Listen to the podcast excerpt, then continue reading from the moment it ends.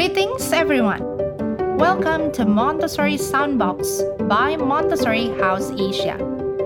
Montessori Soundbox is a platform interdimension to learn, share, and inspire many people who passionately thinking, caring, and educating for young minds. It is the ultimate real Montessori news to be heard. The first and the only one Montessori podcast channel from Indonesia. Montessori made simple, Montessori for everyone. With me, Miss Rosa, founder and academic directress of Montessori House Asia. Halo semua, selamat datang di Montessori Soundbox, podcast by Montessori House Asia. Dengan saya Miss Rosa Dan saya Miss Yosi dan kami berdua di episode kedua ini akan berbicara mengenai The prepared environment.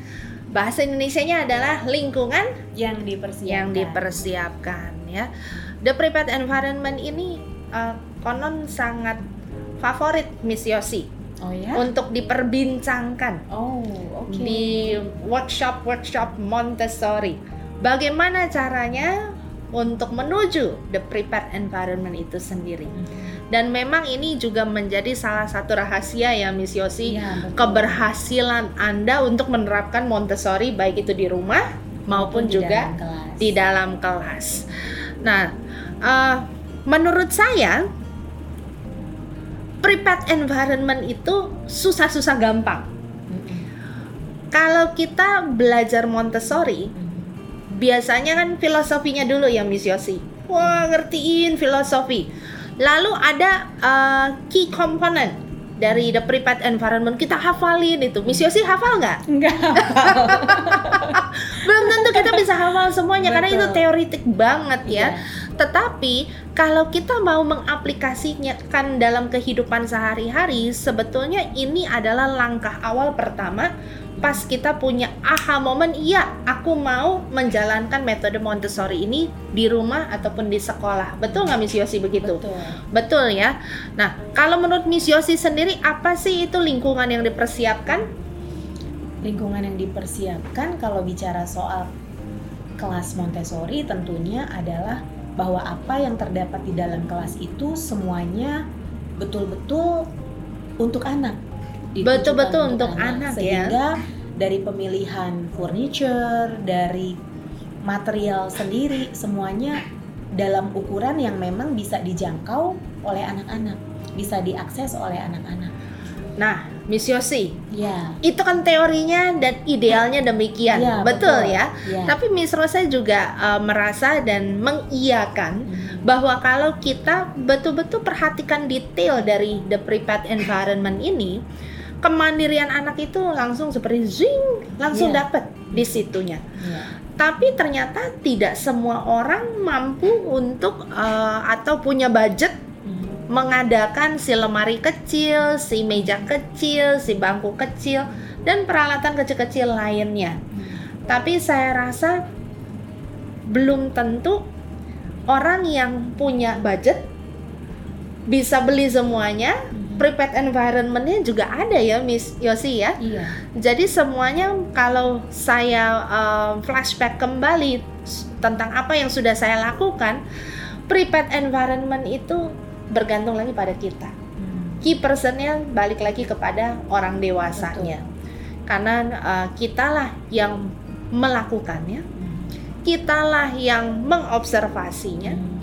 bahkan kita yang harus bisa berpikir apa yang perlu diambil supaya tidak um, apa menghalangi Hmm. pertumbuhan anak, apa yang harus saya tambah, Hmm. apa yang harus saya rubah Betul. guna menyokong anak-anak punya pertumbuhan dan perkembangan. Ya. Betul ya Miss Yosi ya? saya Begitu ya. Nah, kita masuk nih Miss Yosi ke komponen penting dari the prepared environment. Mungkin Miss Yosi bisa sharing mengenai poin pertama yaitu kebebasan. Bahwa kebebasan itu harus ada di dalam lingkungan yang dipersiapkan. Maksudnya apa Miss Yosi? Maksudnya itu berbicara tentang eh, ini saya berbicara dalam konsep kelas Montessori ya. Boleh. Di kelas Montessori itu rak yang tersedia di dalam kelas untuk menyimpan material itu semuanya terbuka Iya. sehingga eh, itu ada filosofinya sebetulnya. Iya. Kalau di rumah kita lakukan seperti itu pasti ada banyak orang tua merasa khawatir Iya. ya apalagi misalnya yang disimpan di rak itu adalah barang pecah belah Iya. mereka khawatir kalau anak-anak mengakses itu maka itu akan pecah lalu Hmm. akan terluka anaknya atau bagaimana gitu Iya. ada banyak kekhawatiran tapi di kelas Montessori justru itu semua rak material yang ada di dalam kelas terbuka sehingga anak-anak bisa melihat semua material yang ada di dalam bisa mengakses filosofinya adalah kita ingin mengundang anak-anak dengan banyak pilihan yang ada di dalam kelas itu pasti ada satu yang buat mereka ingin tahu Oh. seperti itu sehingga selain kita mengundang anak-anak untuk mengambil material itu kita juga secara tidak langsung akan membangun mereka punya eh, kemampuan untuk mengambil inisiatif Hmm. Kemudian kemampuan untuk menentukan pilihan saya Oh. mau ini dan kemudian belajar mempertanggungjawabkan yang sudah dia pilih. Iya. seperti itu Iya. Mas Rosa Tapi ada juga Miss Yosi satu um, perkataan freedom within limits. Iya Nah, bagaimana ini penjelasannya di dalam lingkungan yang sudah dipersiapkan? kebebasan yang eh, artinya ada batasan Betul. bukan kebebasan yang membabi buta Iya. Misalnya ada anak yang cenderung ingin bermain semua material, mengambil satu material, lalu bermain sebentar ditinggalkan, mengambil lagi material yang lain.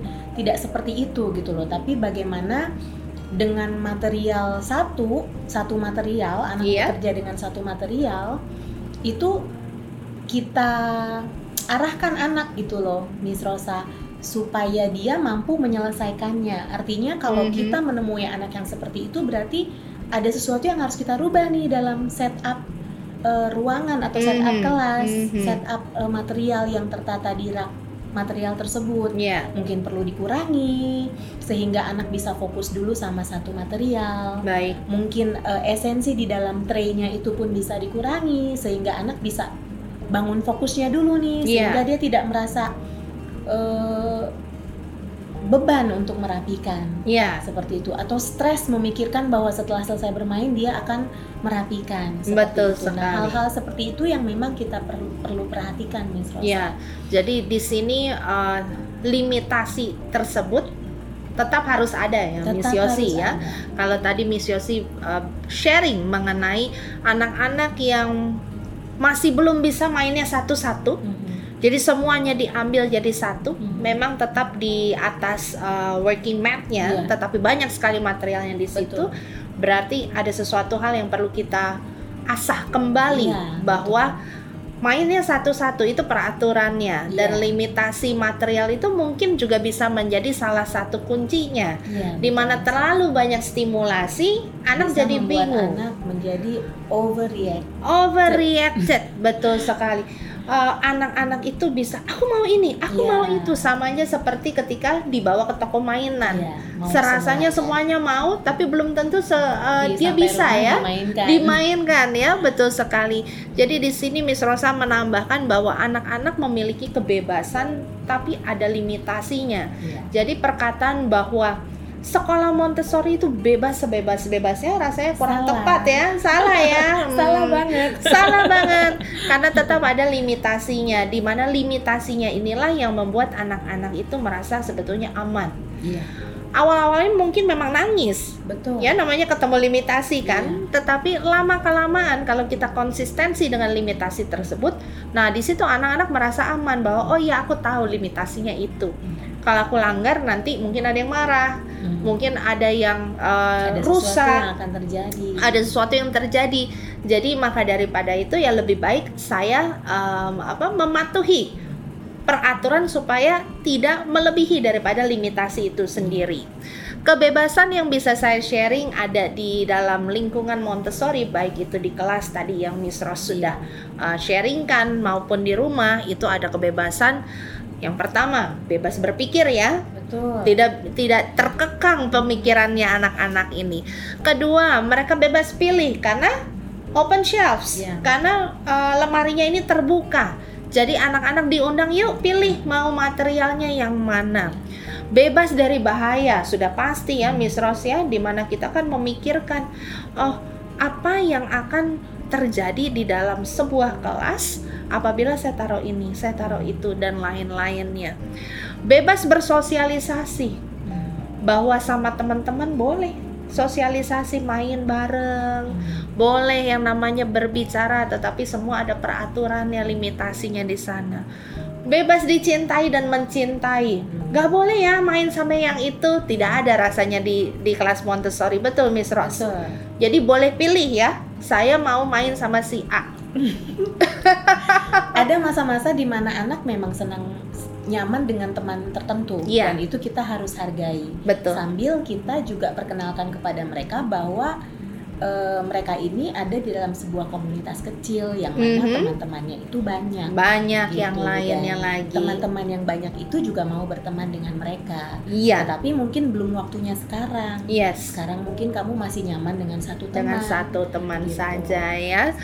Dan juga bebas untuk bersuara, Ya, mengungkapkan pendapat mereka. mengungkapkan pendapat. Nggak akan ada yang marah kan? Nggak di ada situ yang ya.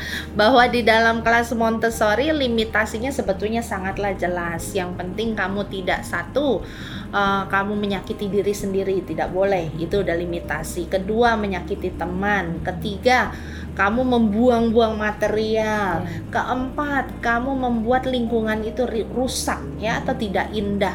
Dan yang kelima berprogres sesuai dengan mereka punya kemampuan. Ya. Nah, di sinilah saya melihat bahwa banyak dari kita yang mau membuat the prepared environment, tapi kita lupa kasih kebebasan itu. Hmm. Sehingga banyak dari kita yang merasa it doesn't work with my child. Hmm. Montessori doesn't work with me. Hmm. Dikarenakan kita lupa dalam prosesnya anak-anak belajar dengan kebebasan dengan limitasi itu juga penuh dengan air mata pasti ya, Miss Yos ya.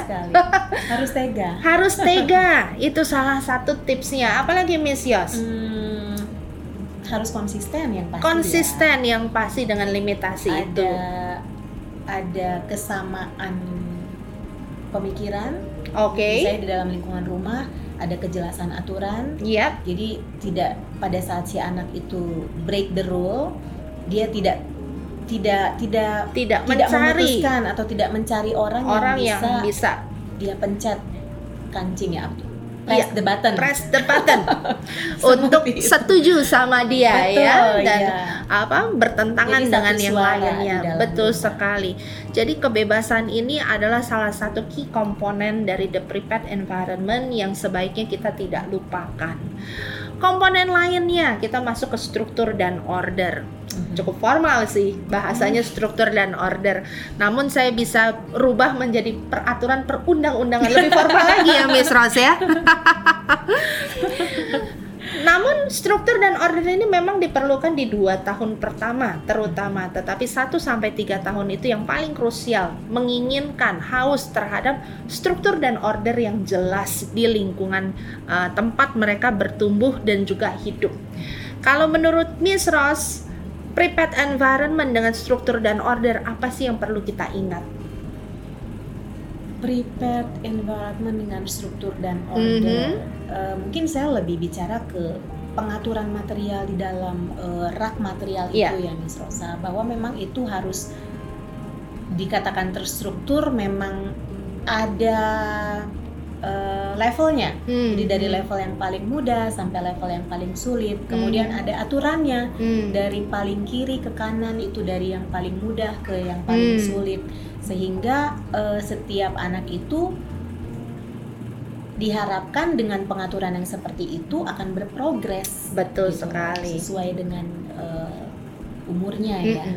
Miss Yos pernah punya teman nggak yang kalau lagi mengerjakan satu pekerjaan di tengah-tengah dia ganti kerjaan lain? di tengah-tengah dia Dan ganti pada akhirnya. Jarang banget Miss Yos melihat dia menyelesaikan pekerjaan dia. Karena dia ngerjain lagi yang lain. Terus temannya Iya. ada bilang, "Help me please." Nanti dia bantuin temannya, dia lupa sama pekerjaannya dia. biasanya orang-orang sanguin yang seperti itu ya Seperti saya ya. saya kebetulan melankolis ya Melankolis, iya. kolerik Hmm, saya melankolis sanguin Mr. Yosi. oh gitu Iya. tapi sepertinya sanguinnya sangat dominan sangat dominan saya ini. Betul sekali. Ada orang-orang yang tidak menyelesaikan tidak menyelesaikan pekerjaannya itu betul-betul 100%. Dan kalau kita lihat di uh, dunia pekerjaan orang dewasa, orang-orang seperti ini konon memiliki kehidupan di masa lampaunya, masa kanak-kanaknya, di mana struktur dan ordernya itu tidak sampai selesai. Sebetulnya kalau kita mau menggali lebih lagi nih ya, ini bagaikan um, kita berikan lingkungannya, kebebasannya dikasih, tapi tidak ada aturan. Satu nggak ada aturan. Atau kedua aturannya itu mengenai waktu. Harusnya satu siklusnya selesai tapi waktunya sempit jadi nggak selesai ya. Saya punya satu cerita uh, mengenai struktur dan order ini yang mana seorang anak akhirnya give up untuk sekolah. Anak ini berusia sekitar tujuh tahun mamanya datang kepada saya dan bicara, Miss Rosa anak saya mogok sekolah. Karena dia merasa dia dia bukan tempatnya di sekolah. Dia bilang ke saya bahwa uh, sekolah tidak membuat dia semakin percaya diri. Sekolah tidak membuat dia untuk bisa melakukan aktivitas itu hingga selesai jadi betul-betul dia ini kerdil sekali di dalamnya. Tapi di rumah uh, dia dimampukan untuk melakukan perihal sampai selesai, tapi itu lama sekali kata mamanya. Dan kalau melakukan sampai selesai pun harus ada peringatan-peringatan hmm. in between. Jangan lupa, ayo. Hmm. Maksudnya adalah fokus dan konsentrasinya itu betul-betul pendek, ya? pendek sekali, retensinya tidak panjang Lalu saya coba ulik bersama mamanya apa yang menjadi penyebab anak-anaknya seperti demikian. Lalu mamanya menyebutkan seperti ini, Miss Yos. Uh, anak itu cerita satu saat sama saya, Miss Rosa, bahwa uh, ketika dia sedang mengerjakan sesuatu dan lagi enak-enaknya, bel itu berdering. Dan dia merasa adalah anak yang cukup lambat sehingga lebih banyak tidak selesai. Jadi kekecewaan itu tidak percaya sama diri sendiri menjadi salah satu perihal yang menurut dia dia betul-betul percaya dia nggak bisa. Karena itu bel itu selalu berdering ketika dia masih di tengah jalan dan kertas itu diambil oleh ibu gurunya. Jadi di sini kita melihat dan saya juga belajar betapa krusialnya tidak diberikan kesempatan. Tidak diberikan kesempatan untuk selesai sampai betul-betul selesai ya. Struktur dan order itu ada namun kita juga harus bisa mengukur kemampuan anak-anak kita di dalam lingkungan tersebut.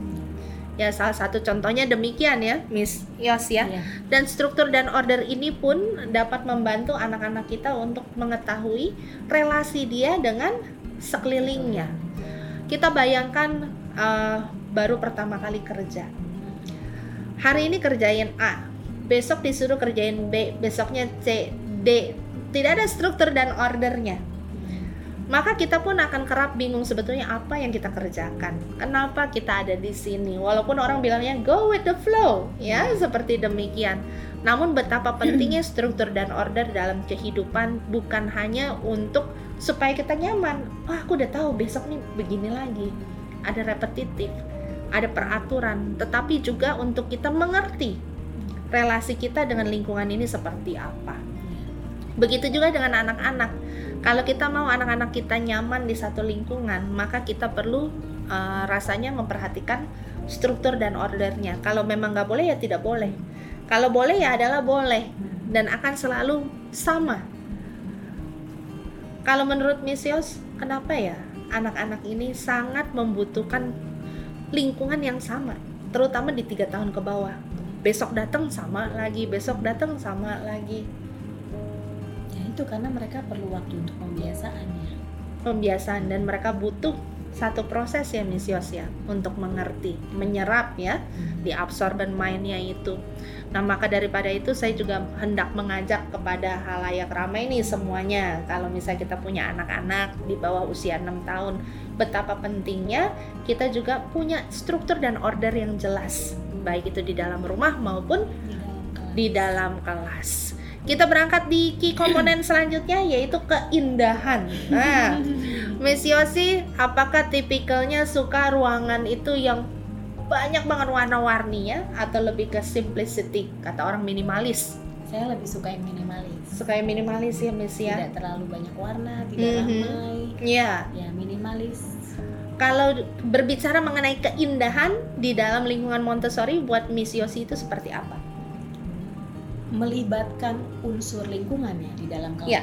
Misalnya ada tanaman, Mhm. kemudian eh, di kelas itu ada akses untuk sinar matahari masuk. Oke. kemudian kita boleh eh, apa buat akuarium misalnya Ya. untuk anak-anak bisa ngasih makan ikan Oke. jadi mereka menemukan bahwa ada sesuatu yang hidup di dalam lingkungan kelas Mhm. which is Mhm. part of their community community. Kayak gitu. Betul. Jadi sebuah lingkungan yang menarik. ya Yang menarik untuk anak-anak itu biasanya yang hidup ya, Miss. betul daripada yang mati. Makanya kenapa kita jauh lebih menarik daripada mainan-mainan yang dijajakan kepada anak-anak kita. Nah, keindahan ini yang saya juga pelajari di lingkungan Montessori bahwa adanya keselarasan warna. Adanya juga em, pengetahuan dan pemahaman kita sebagai orang dewasa bahwa yang paling penting sebetulnya adalah bekerja, bukannya mengagumi. Ya. Maka daripada itu, kita perlu juga memikirkan kalau saya gantung lukisan di situ, akah akankah menjadi sebuah distraksi untuk anak-anak ya. Dan warna-warna dari material itu harus atraktif, harus cerah untuk mengundang anak-anak, yuk bekerja dengan saya. karena anak-anak suka sesuatu yang berwarna Betul sekali. Maka daripada itu untuk yang menonton video ya. Pasti bisa lihat ya lingkungan di Montessori House Asia di mana di sini raknya memang spesialis saya pilihkan kayu. Lalu traynya juga kayu, Kayu. namun beragam warna alami dari setiap material itu yang menambah um, atraktif daripada uh, lingkungan itu sendiri. Key komponen selanjutnya adalah alami dan nyata. Tadi Miss Yosi, ya? iya Miss Yosi ada ada em, apa menyinggung mengenai tanaman dan juga hewan peliharaan, salah satunya ikan. Nah, di sini anak-anak menggunakan em, segala sesuatu yang hidup untuk mereka belajar. Karena mereka justru lebih tertarik tadi sama yang benda hidup itu sendiri ya. Dan juga alami dan nyata ini berbicara mengenai ternyata ya Miss Yosi berbicara mengenai child size furniture Ya. yang alami. Biasanya dari apa Miss Yosi? Berbicara meng- mengenai dari kayu ya. Jadi makanya banyak sekolah Montessori yang pesan meja kursinya itu pasti dari kayu. Mungkin Miss Yosi tahu apa alasannya kenapa dari kayu?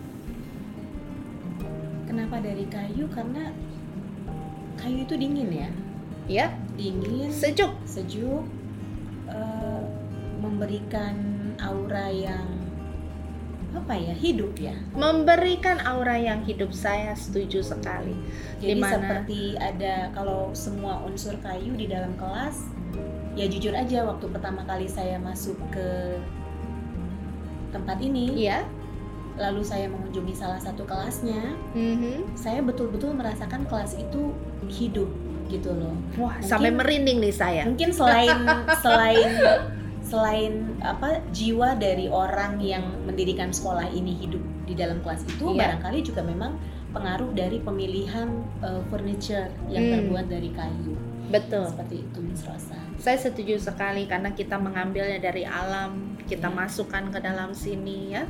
Bahkan kita bisa percaya ada sesuatu yang di dalam setiap furniture itu yang memang menghidupkan suasana, Ya. bahwa dekat kembali dengan alam itu sendiri ya.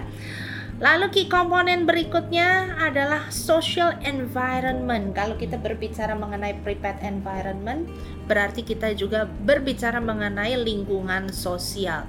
Anak-anak bebas berinteraksi dan memberikan inspirasi kepada orang lain, membantu, membangun empati, menjadi anak yang full of compassion dan juga menghormati orang lain. Bagaimana caranya ini bisa terjadi, Miss Yosi? Bagaimana caranya bisa terjadi? Iya, bahwa anak-anak bisa saling berinteraksi, bisa kasih inspirasi satu sama lain di dalam lingkungan Montessori. Saya pikir itu terjadi secara alami ya. Nah, itu dia. Anak-anak tidak perlu diajari bagaimana bersosialisasi karena ketika saya masuk ke tempat ini pun Mhm. dan bertemu dengan beberapa anak, saya tidak meminta mereka untuk menyapa saya. Mhm. Ketika saya menyapa mereka, mereka akan dengan otomatis menyapa saya. Menyapa balik ya Miss Yosi ya. Jadi memang eh, mungkin mereka harus melihat role modelnya dulu ya, Miss. Betul sekali. Dan lingkungan yang dipersiapkan ini memang corong akhirnya adalah anak-anak ini mengerti bagaimana uh, saling berhubungan, berinteraksi satu sama lainnya. Dan hal ini pun bisa menjadi salah satu tolak ukur apakah sekolah Montessori itu berhasil atau Betul. tidak ya. Iya. Dan salah satu perihal lainnya interaksi sosial ini banyak sekali terjadi dikarenakan ada multi age grouping. Jadi ada beberapa anak Usia dengan anak usianya kelas. yang berbeda di dalam satu kelas sehingga mereka juga yang tua belajar Dari untuk yang. Ya betul sekali. Dari yang muda menolong yang muda yang muda juga belajar banyak dari yang Ya. tua. Jadi betul-betul berfungsi em, seharafiahnya sebagai manusia. Selain social environment key komponen selanjutnya adalah intellectual environment. Nah intellectual environment ini berbicara mengenai lima kurikulum Montessori. Ya boleh di sharing lima kurikulum Montessori apa saja Miss Yos? Eh, itu practical life, Oke. sensorial, cultural, math dan language. Betul sekali. Kalau saya nanya mana yang paling favorit buat Miss Yos? Yang paling favorit adalah cultural ya. Kenapa Miss Yosi sangat favorit dengan cultural studies? Karena cultural itu bukan hanya saya sih dari pengalaman saya sebagai guru ya, anak-anak juga sangat menyukai Mhm. karena cultural itu sangat kaya ya. Betul Anak bisa sekali. belajar tentang geografi, ilmu tumbuh-tumbuhan, Mhm. ilmu hewan, sejarah gitu Iya. seperti misalnya merayakan ulang tahun mereka sendiri sehingga mereka tahu asal usul mereka Iya. awalnya seperti apa, belajar waktu dan melalui pembelajaran cultural itu sesungguhnya area yang lain pun disentuh gitu. Betul area sekali. practical life, area sensorial, math dan language-nya tersentuh. Jadi ada relasinya ya Ada relasinya. dengan uh, subjek yang lainnya. Iya. Nah, intellectual environment ini atau um, the five areas in a Montessori classroom ini harus sangat uh, kita pahami sebagai orang yang ingin membangun the prepared environment itu.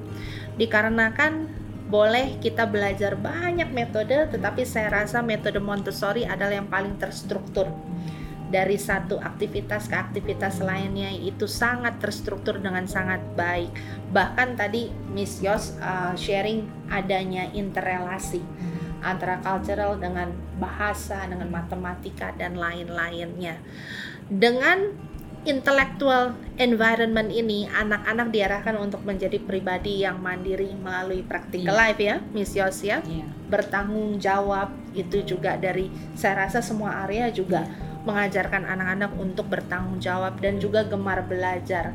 Kalau saya ingat gemar belajar, saya ingat ceritanya Miss Yosi bahwa bagaimana cultural itu sangat kaya. Tapi pasti saya sangat yakin menjadi guru yang eh, ingin memberikan cultural studies yang seluas-luasnya itu tantangannya pasti banyak sekali Iya, ya. Apa salah satunya Miss Yosi? Ya salah satunya harus membuat eh, perpanjangan dari material yang Variasinya ya. diberikan. Variasi material. Betul sekali. Misalnya mengajarkan peta, peta dunia. Mhm. Nah, selesai dari peta itu kan harus ada lagi kontrol peta Betul. supaya anak bisa bermain eh, mencocokkan. Ya, Setelah itu harus ada lagi nih setiap kontinen dari peta itu apa sih yang bisa digali? Kita Mhm. buatkan lagi kartu-kartunya. Mhm. Misalnya kontinen Australia, ada banyak yang bisa digali ya. Mhm. Tempat-tempat geografisnya misalnya, musik-musiknya, alat-alat Hmm. instrumen musiknya, makanannya, Mhm. pakaian tradisional, itu banyak Banyak sekali, gitu. Dan sangat itu kaya. harus dibuatkan kartu-kartu bergambarnya. Itu yang Betul. paling minimal yang bisa Iya, kita usahakan. Iya, gitu. iya. Betul sekali bahwa di sinilah saya summarize dari lingkungan yang mendukung dengan lima area ini akan menjadi basis untuk membesarkan anak yang memiliki kepribadian cinta belajar di sepanjang kehidupannya. Jadi kalau kita mau creating the lifelong learners, nah lima area itu ya yang harus ada ya. Nah, dan itu hanya ada di sekolah Montessori. Amin. Gak ada di tempat yang lain. Nanti kapan-kapan kita bahas bagaimana membawa lima area itu ke dalam rumah sehingga rumahmu juga mengaplikasikan uh, metode Montessori itu menjadikan rumahmu adalah the prepared environment. Key komponen yang terakhir adalah guru yang paling krusial nih, Miss Yos.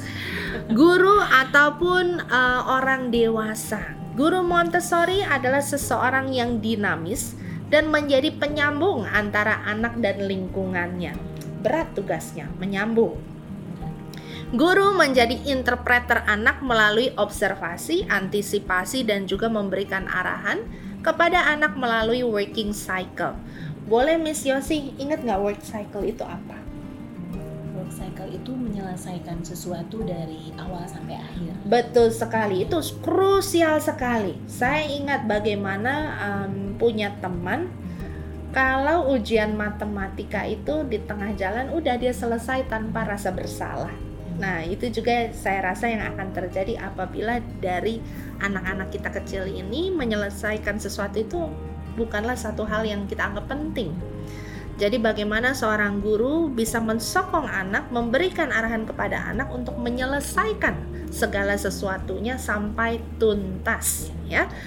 Dan format inilah yang membuat anak menjadi seseorang yang mampu berpikir abstrak secara menyeluruh working cycle ini.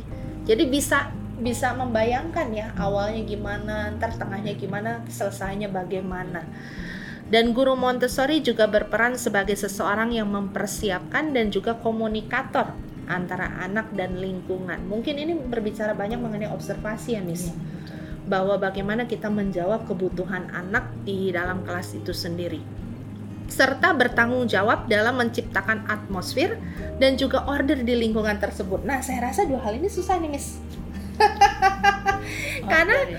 ketika kita bilang menciptakan atmosfer, iya. guru itu harus bisa menahan diri hmm. ketika dia marah. Setuju ya, Miss Yosi ya? Maka daripada itu ketika ada satu perihal terjadi di dalam kelas dan kamu tidak bisa menahan muka kamu, di situlah atmosfer itu berubah. Yeah. Ataupun ketika ada anak yang mengalami bahaya dan kamu tidak bisa menahan rasa kesal kamu, rasa khawatir kamu, di situ juga kamu melempar emosi kamu itu ke atmosfer kelas dan atmosfer itu juga berubah. Jadi krusial banget ya, Miss. Dan juga menjaga order. Nah, mungkin punya tips ya menjaga order di lingkungan buat guru-guru. Menjaga order dengan konsistensi aja ya, Miss ya. Iya, hanya satu ternyata hanya ya. Konsistensi. konsistensi. Jadi hari ini kita bilang tidak boleh, ya besok juga tidak boleh. Tidak boleh, gitu. tidak Sehingga bisa. anak tahu, oh ini betul-betul tidak boleh. Iya, gitu. Betul tidak sekali. Setengah. Iya. Dan solid sih kalau guru ada tim di kelas, betul-betul memang uh, menjadi tim yang solid artinya mm -hmm. satu suara betul tidak sekali. berbeda-beda. Betul sekali. Kalau kita rangkum Miss Yos sebagai penutup apakah itu the prepared environment dengan versinya Miss Yosi? The prepared environment ya lingkungan kelas Montessori yang betul-betul memang sudah dipersiapkan untuk uh, gurunya sendiri siap menghadapi anak-anak dengan eh, anak-anak uh, yang datang ke kelas dengan berbagai masalah mereka ya, Yeah, karena setiap yeah. hari anak-anak itu dinamis, berubah. Mereka bukan anak-anak yang sama. Jadi bagaimana supaya lingkungan yang uh, tersiapkan dengan baik ini terus terupdate hmm. yaitu dilakukan oleh guru-guru melalui observasi. Yeah. Gitu. Sehingga memang lingkungan itu akan selalu berubah. Mm -mm. Tidak tidak tidak sama setiap hari karena kita melakukan observasi terhadap anak-anak untuk keesokan harinya harus seperti apa supaya hmm. kelas ini boleh berhasil untuk anak anak-anak itu semuanya. Betul sekali. Baik. Jadi dari penjelasan yang sudah diberikan, saya coba rangkum kita mengerti sekarang bahwa the prepared environment atau lingkungan yang dipersiapkan itu bisa sebuah tempat, kelas, rumah, apa pun itu di mana anak itu tinggal, berada, beraktivitas, membutuhkan orang dewasa atau the prepared adultnya dahulu Iya. untuk bisa mengerti dan memahami perihal ini supaya bisa terwujud prepared environment-nya. Iya. Maka Sobat Montessori, semoga penjelasan mengenai the prepared environment di episode ini bisa menjadi satu langkah awal Anda untuk mengambil konsistensi, mengambil satu komitmen untuk menjalankan metode Montessori, bukan hanya sekedar beli material ya. Betul. Tapi harus paham ya apa itu the prepared environment berawal dari the prepared adult. Bahwasanya kesadaran kitalah yang perlu untuk ditumbuhkan. Bukan pemaksaan keadaan kepada anak-anak kita dan prepared environment tidak perlu fancy ataupun mahal, tapi kesiapan orang dewasanya dahulu yang ditantang untuk dapat menghasilkan lingkungan yang terbaik untuk si kecil. Salam Montessori, semangat selalu, sampai jumpa di episode jumpa. berikutnya.